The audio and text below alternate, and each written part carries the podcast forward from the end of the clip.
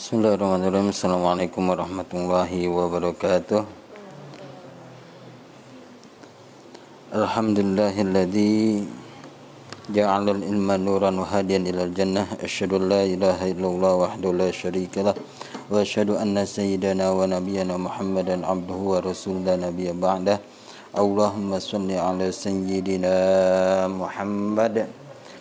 الفاتح لما أغلق والخاتم لما سبق والناصر الحق بالحق والهادي إلى صراطك المستقيم وعلى آله وأصحابه حق وقدره ومقداره العظيم أما بعد المشروعات ya anak-anakku atau adik-adik Ustaz yang saya sayangi atau Bang Syamsul sayangi marilah kita panjatkan kita puji, puji syukur kita kehadirat Rabbi yang mana ia telah memberikan nikmat terutama nikmat iman, nikmat Islam, nikmat syahwat wal afiyah, nikmat keluasan waktu sehingga kita bisa berkumpul bermuajah lagi dalam rangka mempelajari syariat Nabi Muhammad SAW salah satunya yaitu mempelajari kitab Khulaswah Nuril Yakin kita akan meneruskan penjelasan apa yang dilakukan oleh Rasulullah SAW pada tahun kedua Hijriah Ya, kemarin kita sudah membahas sebagian. Berarti kalau saja sudah tahun 2 Hijriah ketika Rasulullah sudah berada di Madi, Madinah. Jadi awalnya tahun Hijriah itu ketika Rasulullah SAW ya hijrah dari kota Mekah ke Madi, Madinah. Ya, sekarang tahun keduanya. Apa yang dilakukan oleh Rasulullah SAW? Faqala al-musannif rahimahullah ta'ala wa nafa'ana bi ulumi fid amin ya rabbal alamin al-masyru'at hal-hal yang disyariatkan oleh Allah Subhanahu wa taala kepada Nabi Muhammad SAW terus untuk disampaikan kepada umatnya Nabi Muhammad SAW di tahun kedua apa saja yang disyariatkan oleh Allah Subhanahu wa taala. Di sini dijelaskan tahwilul qiblah, berpindahnya kiblat yang dari yang tadinya kaum muslimin menghadap Baitul Maqdis yang berada di Palestina yang sekarang sedang apa? Sedang direbutin ya dibombardir sama orang Israel. Dulu kita pernah menghadap ke sana kiblat kita pernah ke sana, menghadap ke sana. Di tahun kehijriah ini kedua hijrah ini berpindah. Yang tadinya menghadap apa Baitul Maqdis berpindah ke ke Ka'bah Saumu Ramadan. Dan yang kedua disyariatkannya puasa di bulan Roma Ramadan. Ini tahun 2 Hijriah yang selanjutnya zakatul fitri, ada yang namanya zakat fit, fitrah tahun kedua juga. Zakatul mal dan zakat har, harta tahun kedua juga dua hijriah. Yang selanjutnya sholatul aidain. Nah, ini disyariatkan di tahun kedua hijriah. Ya, tahun dua ke hijriah. Besok nih tanggal 20 Juli. Ya, perkiraan tanggal 20 Juli itu tanggal 10 Hijjah. Ya, itu sholat Idul Adha. Tapi wallah alam bagaimana ntar apakah diadakan di musola atau tidak. Ya, kalau nggak ada berarti kita ngadain di di rumah-rumah aja. Ya. Salatul Idain. Fi sanati tsaniyah min al-hijrah tahawalatil qiblat min baitil maqdis ila al-ka'bati ba'da anzalal muslimuna yastaqbiluna baital maqdis sittata asyara syahran. Di tahun kedua Hijriah ini kiblatnya kaum muslimin ini berpindah dari Baitul Maqdis ke Ka'bah. Sesudah kaum muslimin ini menghadap kiblatnya ke Baitul Maqdis selama 16 bu bulan. Berarti satu tahun lebih 4 bu 4 bulan. Ya, jadi kita pernah menghadap ke sana ke Baitul Maqdis selama 16 bulan. Sesudah 16 bulan di tahun 2 Hijriah ini ya, ya disyariatkan oleh Allah Subhanahu wa taala untuk berpindah kiblatnya ke Ka ke Ka'bah. Jadi sebelumnya pertama itu Ka'bah dulu. Ka'bah, terus ada perintah ke Baitul Maqdis selama 16 bulan. Terus pindah lagi ke ke Ka'bah lagi. Ini menandakan apa? Sebenarnya ini kita nah, kita ini bagaimana Allah Subhanahu wa taala Ya, kita meng sholat menghadap kiblat bukan kita menyembah Ka'bah jangan kita kan sampai sujud di hadapan apa di hadapan Ka'bah menghadap Ka'bah yang kita sembah adalah Allah Sama seperti kita ziarah kubur, jangan samakan. Ini syariat Nabi. Syariat dari syariat ya syariat agama is, Islam. Ya Allah yang menyampaikan Allah yang menyampaikan terus disampaikan ke Nabi Muhammad SAW disampaikan kepada umatnya. Nih kita disunahkan untuk ziarah ziarah. Bukannya kita apa menyembah kuburan, tetapi itu adalah perintah Allah. Sama kita sampai sujud bahkan lagi sholat. Sujud-sujud. Apakah kita dikatakan menyembah Ka'bah? Kan dengan yang karena kenapa? Ya ingat siapa yang menyuruhnya? Ya itu cuma media saja. Ya media saja. Tetapi ingat ketika kita sholat ya, ya apa pun yang kita lakukan ingat kita beribadah ini hanya karena Allah kita menghadap Baitul Maqdis bukannya kita menyembah Baitul Maqdis tetapi mengikuti perintah Allah. Itulah yang dinamakan dengan tak takwa. At-taqwa huwa imtitsalu amamirillah wa jitinabu nawahi. Yang dinamakan dengan takwa adalah mengikuti semua perintah Allah. Perintah Allah apa pun yang Allah katakan, ya jalankan. Nah, ya jalankan. Nah, dan, terus wajitina bunawahihi dan menjauhi segala lah, larangannya. Salah satunya ini. Ya, disuruh menghadap ke pindah dari tadinya ke dari Baitul Maqdis ke Ka'bah ngikutin karena ini perintah Allah. Wa fi syahri Sya'ban aujaballahu shauma Ramadan alal muslimina liyadhuqa shaim syiddatal ju' wal atash fatalinu nafsuhu fatalina nafsuhu wa yatahaddaba khuluquhu fayasulu alaihi badlus sadaqat. Di tahun kedua hijriah juga ini tepatnya di bulan Sya'ban berarti Sya'ban sebelum bulan Roma, Ramadan. Habis Rajab Sya'ban Ramadan. Di bulan Sya'ban ini sebelum bulan Ramadan Allah Subhanahu wa taala mewajibkan yang namanya puasa Roma Ramadan. Puasa di bulan Ramadan alal muslimin tujuannya kita berpuasa adalah liyadzuqa shaim syiddatal ju' wal atash. Supaya kita bisa merasakan bagaimana rasanya lapar. Bagaimana rasanya apa? haus. Ya, sehingga ketika kita bisa merasakan lapar, haus, fatalinu nafsuhu, maka nafsu kita akan lem, lembut, akan terkendali. Ya, wa tahaddabu khuluquhu dan juga ya akhlak kita juga akan bah, baik. Fayasulu alaihi badlus sodakah. Terus kita akan mudah untuk memberikan sedekah sedekah kepada kaum muslimin. Oh, rasanya lapar kayak gini. Oh, rasanya haus kayak gini. Ya, jangan sampai ada saudara kita, ada tetangga kita yang merasakan seperti ini. Itu tujuannya. Ya, ingat terhadap kaum mus muslimin. Karena kenapa? Hakikatnya orang muslim dengan muslim satu itu bersaudara. Al muslim lil muslim kalbunyan. Yashuddu ba'duhu ba'dan kata Rasulullah SAW bersabda ukamakal satu muslim dengan muslim yang lain itu seperti satu bangunan. Ya ketika ada yang tersakiti maka akan ikut tersakiti. Ya. Yashuddu ba'duhu ba'dan ya satu sama lain saling menguat menguatkan. Ya ada yang tertimpa musibah kita bantu. Ya kita kasih motivasi untuk selalu bersa bersabar. Ya kita juga harus merasakan. Nah di hadis yang lain al muslim akhul muslim. Ya seorang yang beragama Islam ini adalah saudara saudara adalah saudara saudaranya. Itu ya.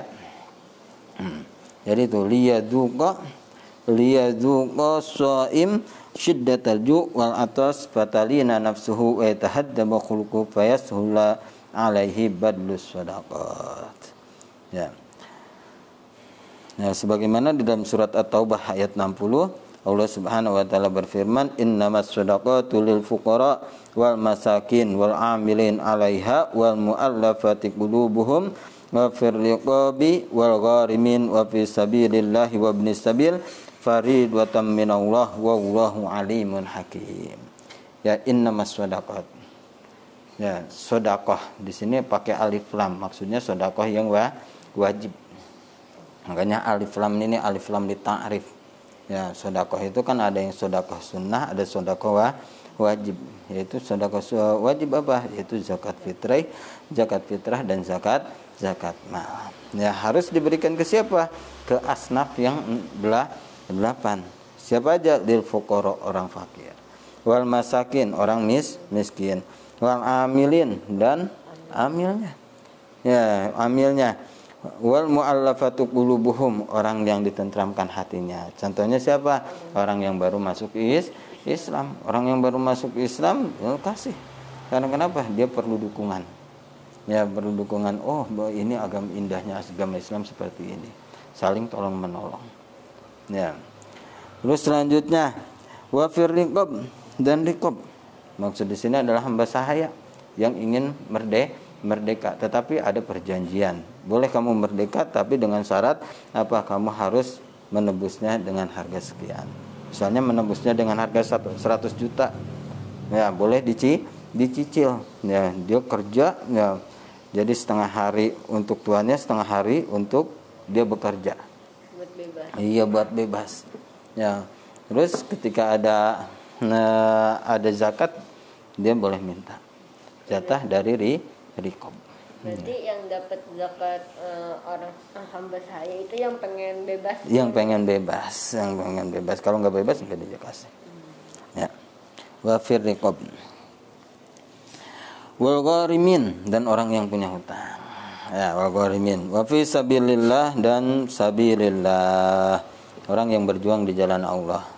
Ya, orang yang berjuang di jalan Allah tidak ada gaji ini dapat dari zakat. Kalau sekarang enggak. Karena kenapa? Ya polisi terus apa lagi tentara itu dapat gaji dari pemerintah. Kalau dulu kan ya enggak dapat gaji. Ya karena ingin mengharapkan keriduan dari Allah saja gaji nggak dapat adapun ketika misalnya ada rampasan perang itu bonus. Ya hmm, itu bonus. Wa fisabilillah wa sabil dan anak jalan. Maksudnya apa? Musafir. Ya musafir orang yang berpergian.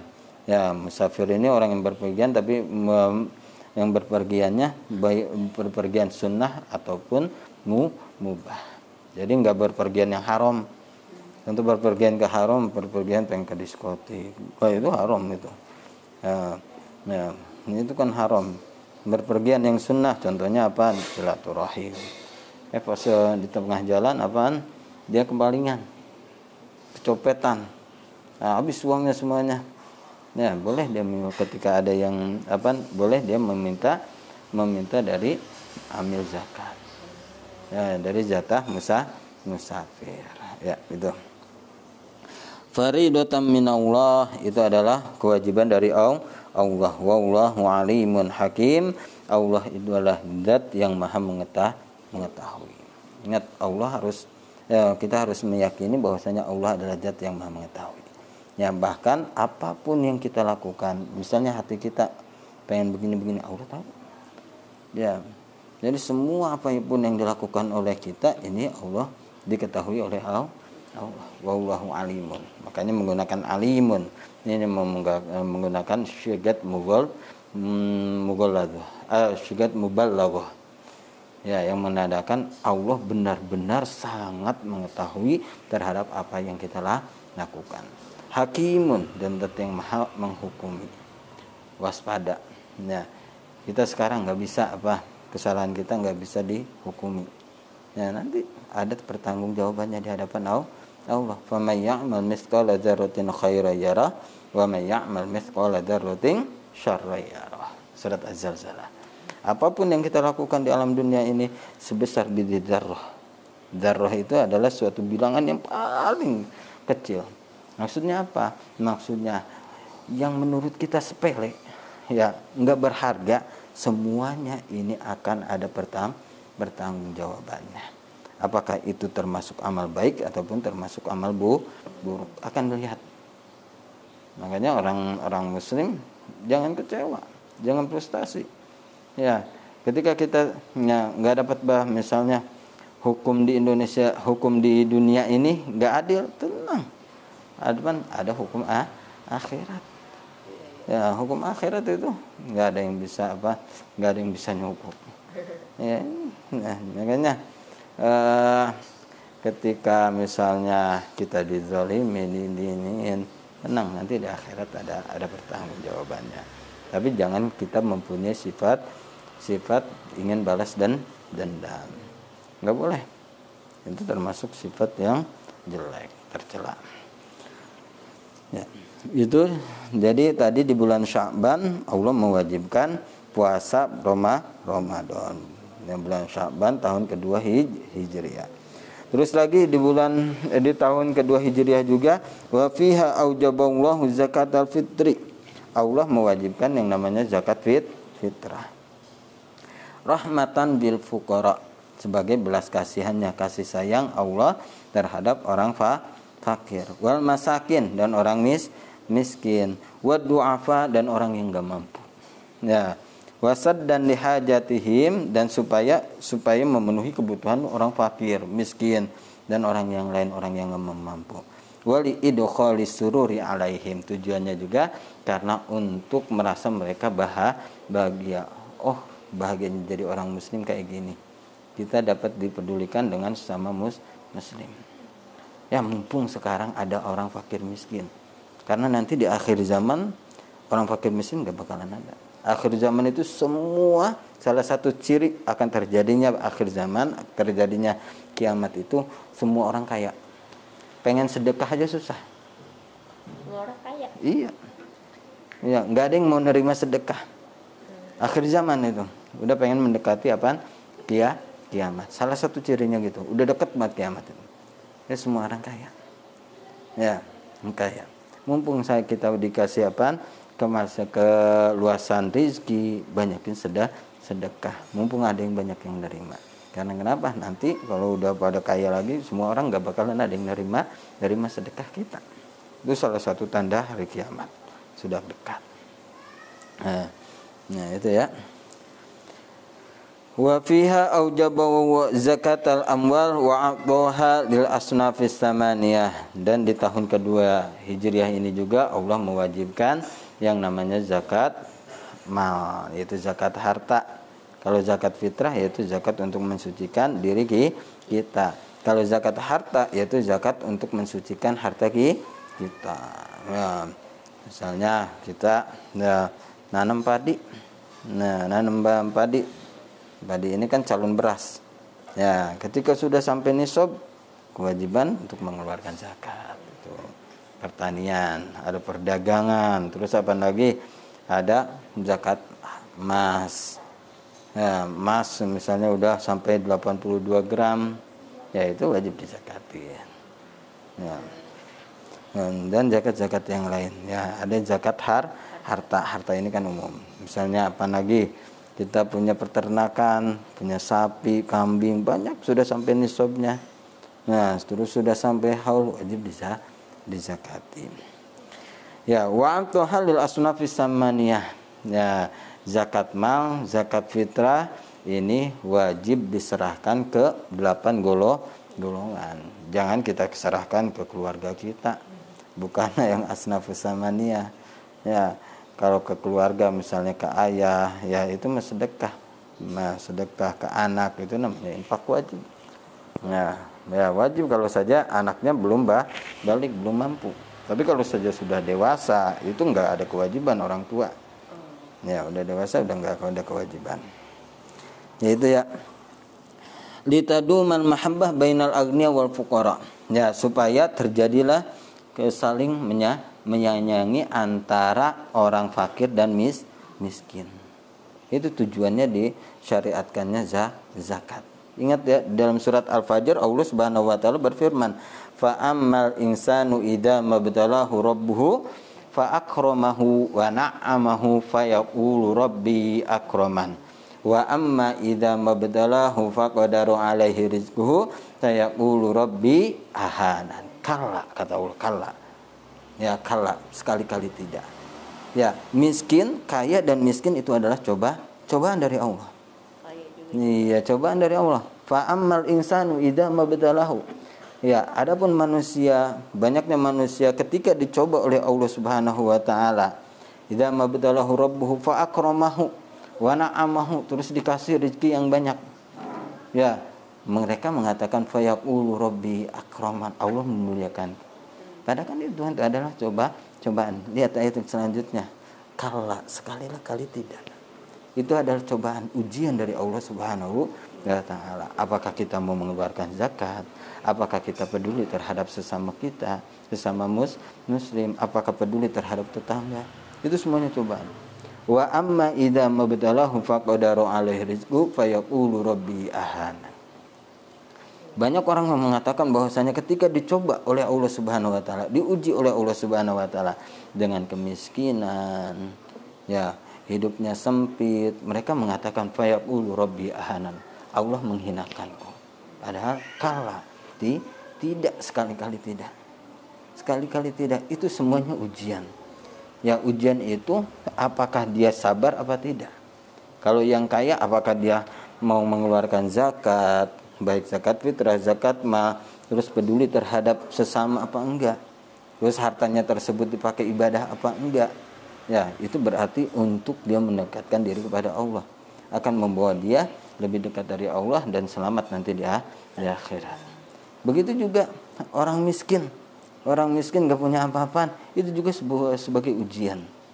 Ya, sebenarnya itu orang miskin juga adalah sebuah kasih sayang Allah kepada kepada dia ya takut nanti kalau saja dia dikasih kaya takutnya sombong bagaimana ya bahkan banyak orang seorang wali itu dari orang-orang miskin.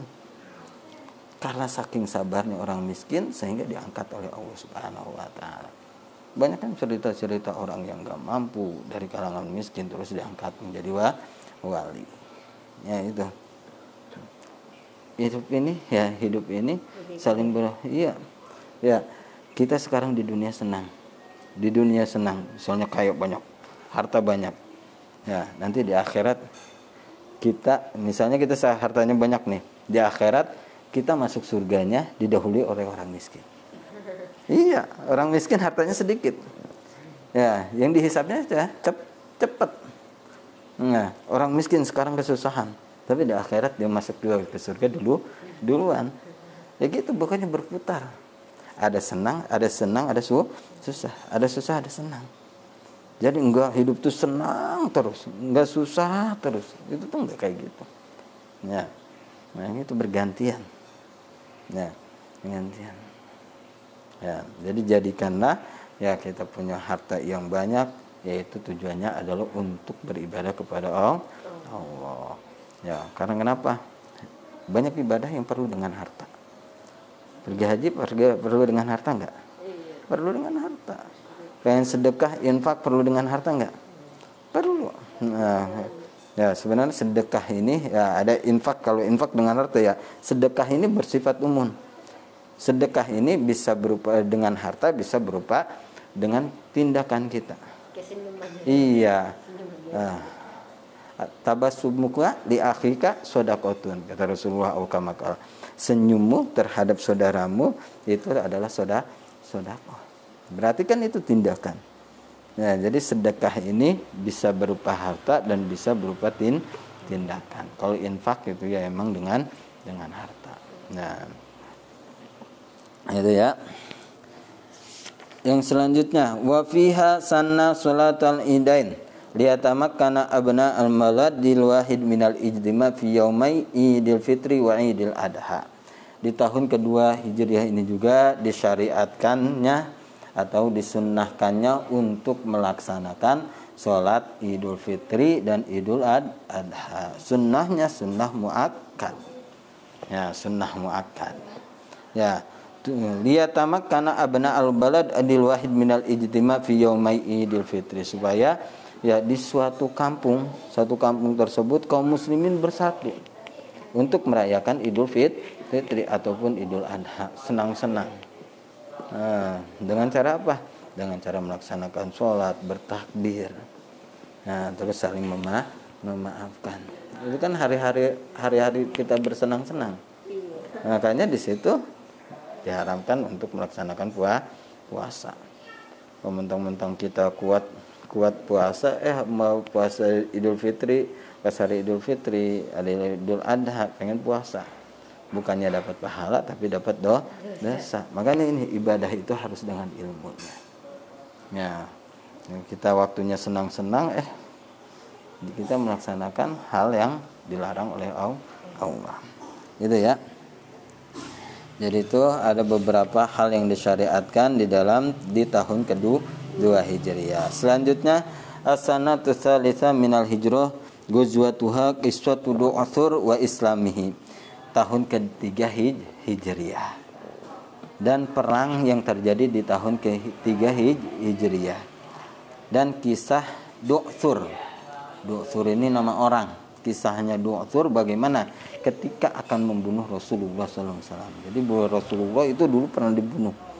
Ya, udah apa namanya Duksur, udah ngangkat pedang, ya pengen dibunuh, ya, dibunuh terus nggak jadi. Ya terus karena lemas, jadi ada ini lemas, lemas pedangnya jatuh. Ya, saking gak kuatnya. Iya saking gak kuatnya. Nanti dijelaskan. Wa islamihi terus masuk Islam dia. Ya, Duksur ini. Fi sanasil salisa minal hijrah hadasat ghazwatu Ghatafan wa ghazwatu Bahran wa ghazwatu Uhud wa ghazwatu Hamra'il as, uh, Asad. Wa lam yakun harbun illa fi Uhud. Di tahun ketiga Hijriah ini terjadi peperangan. Ya, berarti ghazwah ini peperangan yang dihadiri oleh Rasul Rasulullah. Perang apa saja yang di, uh, dihadiri oleh Rasulullah yang terjadi di tahun 3 Hijriah? Yang pertama ada Ghazwatu Ghatafan, ada perang Ghatafan. Wa Ghazwatu Bahron, ada perang yang namanya Bahron. Wa Ghazwatu Uhud dan ada perang Uhud. Ini tahun 3 Hijriah. Ya, wa Ghazwatu Hamra'il Asad dan ada namanya perang Hamrotil Hamra'il Asad. Walam yakun harbun illa fi Uhud. Ya, tapi di tahun itu semuanya nggak ada namanya pertempuran. Jadi berangkat memang berangkat ya, supaya apa nakut-nakutin orang kaum mus, ya, kaum mus, musyrikin ya kecuali di di Uhud kalau Uhud ini terjadi pertempuran yang sangat dahsyat ya kan kemarin udah dijelaskan. Ya kayak tahun kedua hijriah. Ya itu banyak peperangan yang enggak enggak terjadi pertempuran. Enggak sampai berkecambuk kecuali di perang Badar Kub Kubro. Ya perang Badar Kubro bagaimana kaum muslimin menang? Ya ada 70 kaum musyrikin yang terbunuh dan 70 kaum musyrikin yang menjadi tawa tawanan. Ya terus kaum muslim musliminnya meninggalnya berapa orang kemarin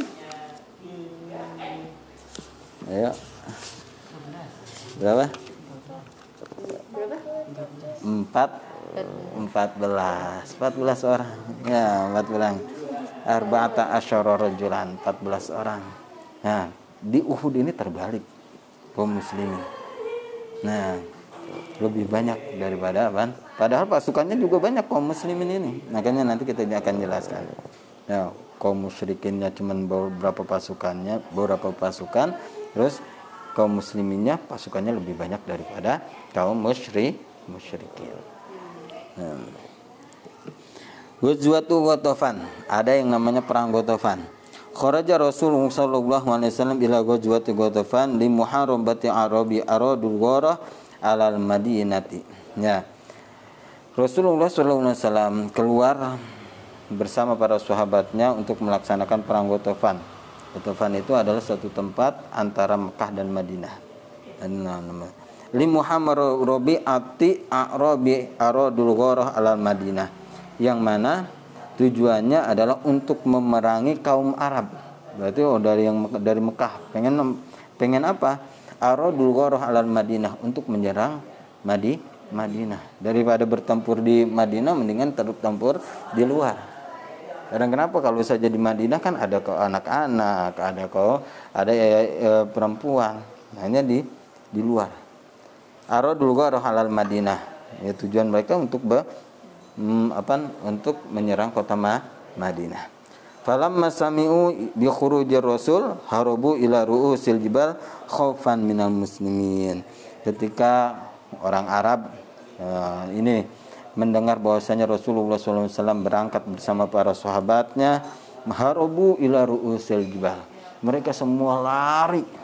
Ya, lari sampai ke bukit ke uh, pegunungan yang paling atas ya, ke puncak gunungnya. Karena kenapa? Khaufan minal muslimin karena takut dari orang mus muslim yaitu perang Ghatafan. Ya, ketika wahaddatsa anna Rasul alaihi salatu wasalam naza'a thawbahu liyujaffifa min matorin ballalahu wartaha tahta syajaratin wal muslimuna mutafarriqun. Ketika Rasulullah SAW sedang istirahat wahaddatha anna Rasul diceritakan naza'a thawbahu. Kan Rasulullah itu pakai baju terus bajunya tersebut kena hujan. Ya sampai bah basah. Terus Rasulullah buka buka bajunya terus dikeringin dijemur lah ke bangsanya kita dijemur. Terus Rasulullah istirahat di atas eh di bawah poh, pohon. Ya. Wal muslimuna mutafarikun ketika itu kaum muslimin sedang berpencar. Ya Rasulullah nggak ada yang jaga. Ya.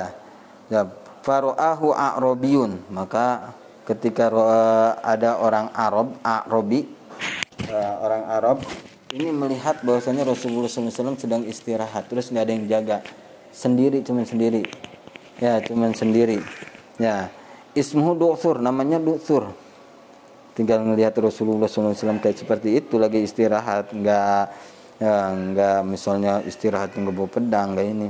Ya maka bala ilaihi bisaifihi. Dia me, apa dekat ke mana? Um, ke Rasulullah SAW di hadapan udah sampai depan Rasulullah pengen apa pengen ngebunuh Rasul Rasulullah. Udah ngangkat. Hatta waqafa ala roksihi pedangnya ini udah sampai pengen ke ke Rasulullah. Waqala dua sur itu mengatakan ya mayam nauka minni ya Muhammad. Apa yang bisa menolongmu wahai Muhammad? Udah pengen ditebas sama dua dua sur. Itu dari depan apa dari belakang? Dari dari, dari de, depan. Karena berhadapan. iya. Wah udah gitu udah pengen ditebas. Mayam nauka minni ya Muhammad. Siapa yang akan menolongmu wahai Muhammad? Karena kenapa? Enggak para sahabat lagi enggak ada waktu itu. Ya. Faqala Rasulullah sallallahu alaihi wasallam Rasulullah sallallahu alaihi wasallam menjawab Allah yang akan menyelamatkanku adalah Allah. Ketika Rasulullah sallallahu alaihi wasallam mengucapkan Allah yang akan menolongnya Allah yang akan membantunya yang mencegahnya supaya tidak terbunuh fa asabar rajul haibatun wa khaufun. Ketika dengar Allah dia langsung takut. Ya langsung takut. Fasaqata sawfa min yadihi. Ya takut haibah karena benar-benar kayaknya ini nama apa nama Allah ini bikin dia takut. Saking takutnya dia lemes lemes lemes sehingga apa pedangnya ini jatuh. Pedangnya jatuh sampai jatuh di depan Rasul Rasulullah SAW. Fasakatu sof min yadihi. Fatana walahu Rasul ketika jatuh dia lemas diambil pedangnya sama, sama Rasulullah SAW. Waqala Rasulullah gantian. Ya udah pegang pedang Rasulullah mengatakan kepada apa? Dua dua ini. Mayam nauka minni ya do'thur. Siapa yang dapat menolongmu wahai do'thur? Ya, faqala la ahada. Mendutur mengatakan tidak ada yang bisa menolongku wahai Rasulullah. Wahai Muhammad. Nah, dulu baru apa? Dia baru nah, tahu nah, namanya. Ya, ketika itu la dia mengucapkan la ahada tidak ada yang bisa menolongnya, maka fa'fa anhu Rasulullah memaafkan. Ya, enggak apa membunuhnya. Fa'fa Rasulullah sallallahu alaihi wasallam. Fa aslama wa qaumahu lil Islam. Ya, ketika Rasulullah SAW memaafkannya terus tadi sebenarnya udah kejadian bagaimana ketika dia meng, ya, mendengar nama Allah langsung lemas ya terus Rasulullah sangat penyayang. Ya nggak apa itu nggak ditebasin. Dia tambah ma memaaf memaafkan Pak Aslama. Suri ini masuk is Islam. Wada'a mahulul Islam. Bahkan dua suri ini termasuk orang yang mengajam kaumnya untuk masuk is Islam. Dakwah dia ya dakwah untuk mengajarkan. Wa hawwalallahu qalbahu min adawati rasul wa jam'in nasi li harbihi ila mahabbati wa jam'in nasi lahu. Ya Allah membulak-balikan hatinya. Ya, jadi yang membulak-balikan hati adalah Allah. Makanya kita kan suka doa ya muqallibal qulub sabbit qalbi ala dinik.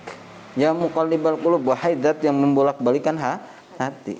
Ya muqallibal qulub nih tetapkanlah hatiku ala di dinik terhadap agama agama Allah Subhanahu wa taala yaitu agama is Islam. Ya. karena itu ya kita bisa dapat hidayah, kita bisa ngaji kayak gini, ini karena Allah. Ya karena Allah. Wa qalbahu min adawati rasul yang tadinya memusuhi Rasul ya memusuhi Rasul terus mengumpulkan manusia mengajak kaumnya untuk apa? Membunuh Rasulullah sallallahu alaihi wasallam. Ya dibalikan ila mahabbatillah sehingga dia menjadi cinta kepada Rasulullah sallallahu alaihi wasallam. Sayang kepada Rasulullah sallallahu alaihi wasallam. Bahkan doa ini wajam innasilahu ngajak manusia untuk selalu cinta kepada Nabi Muhammad Shallallahu Alaihi Wasallam. Ya, dikarenakan sekarang sudah jam 19 lebih 14, ya kita tutup nah, pembelajaran kita ini dengan pembacaan doa kafaratul majlis dan Allahumma rahmna. Bismillahirrahmanirrahim. Subhanakallahumma Ashhadu an la ilaha illa anta astaghfiruka wa atubu.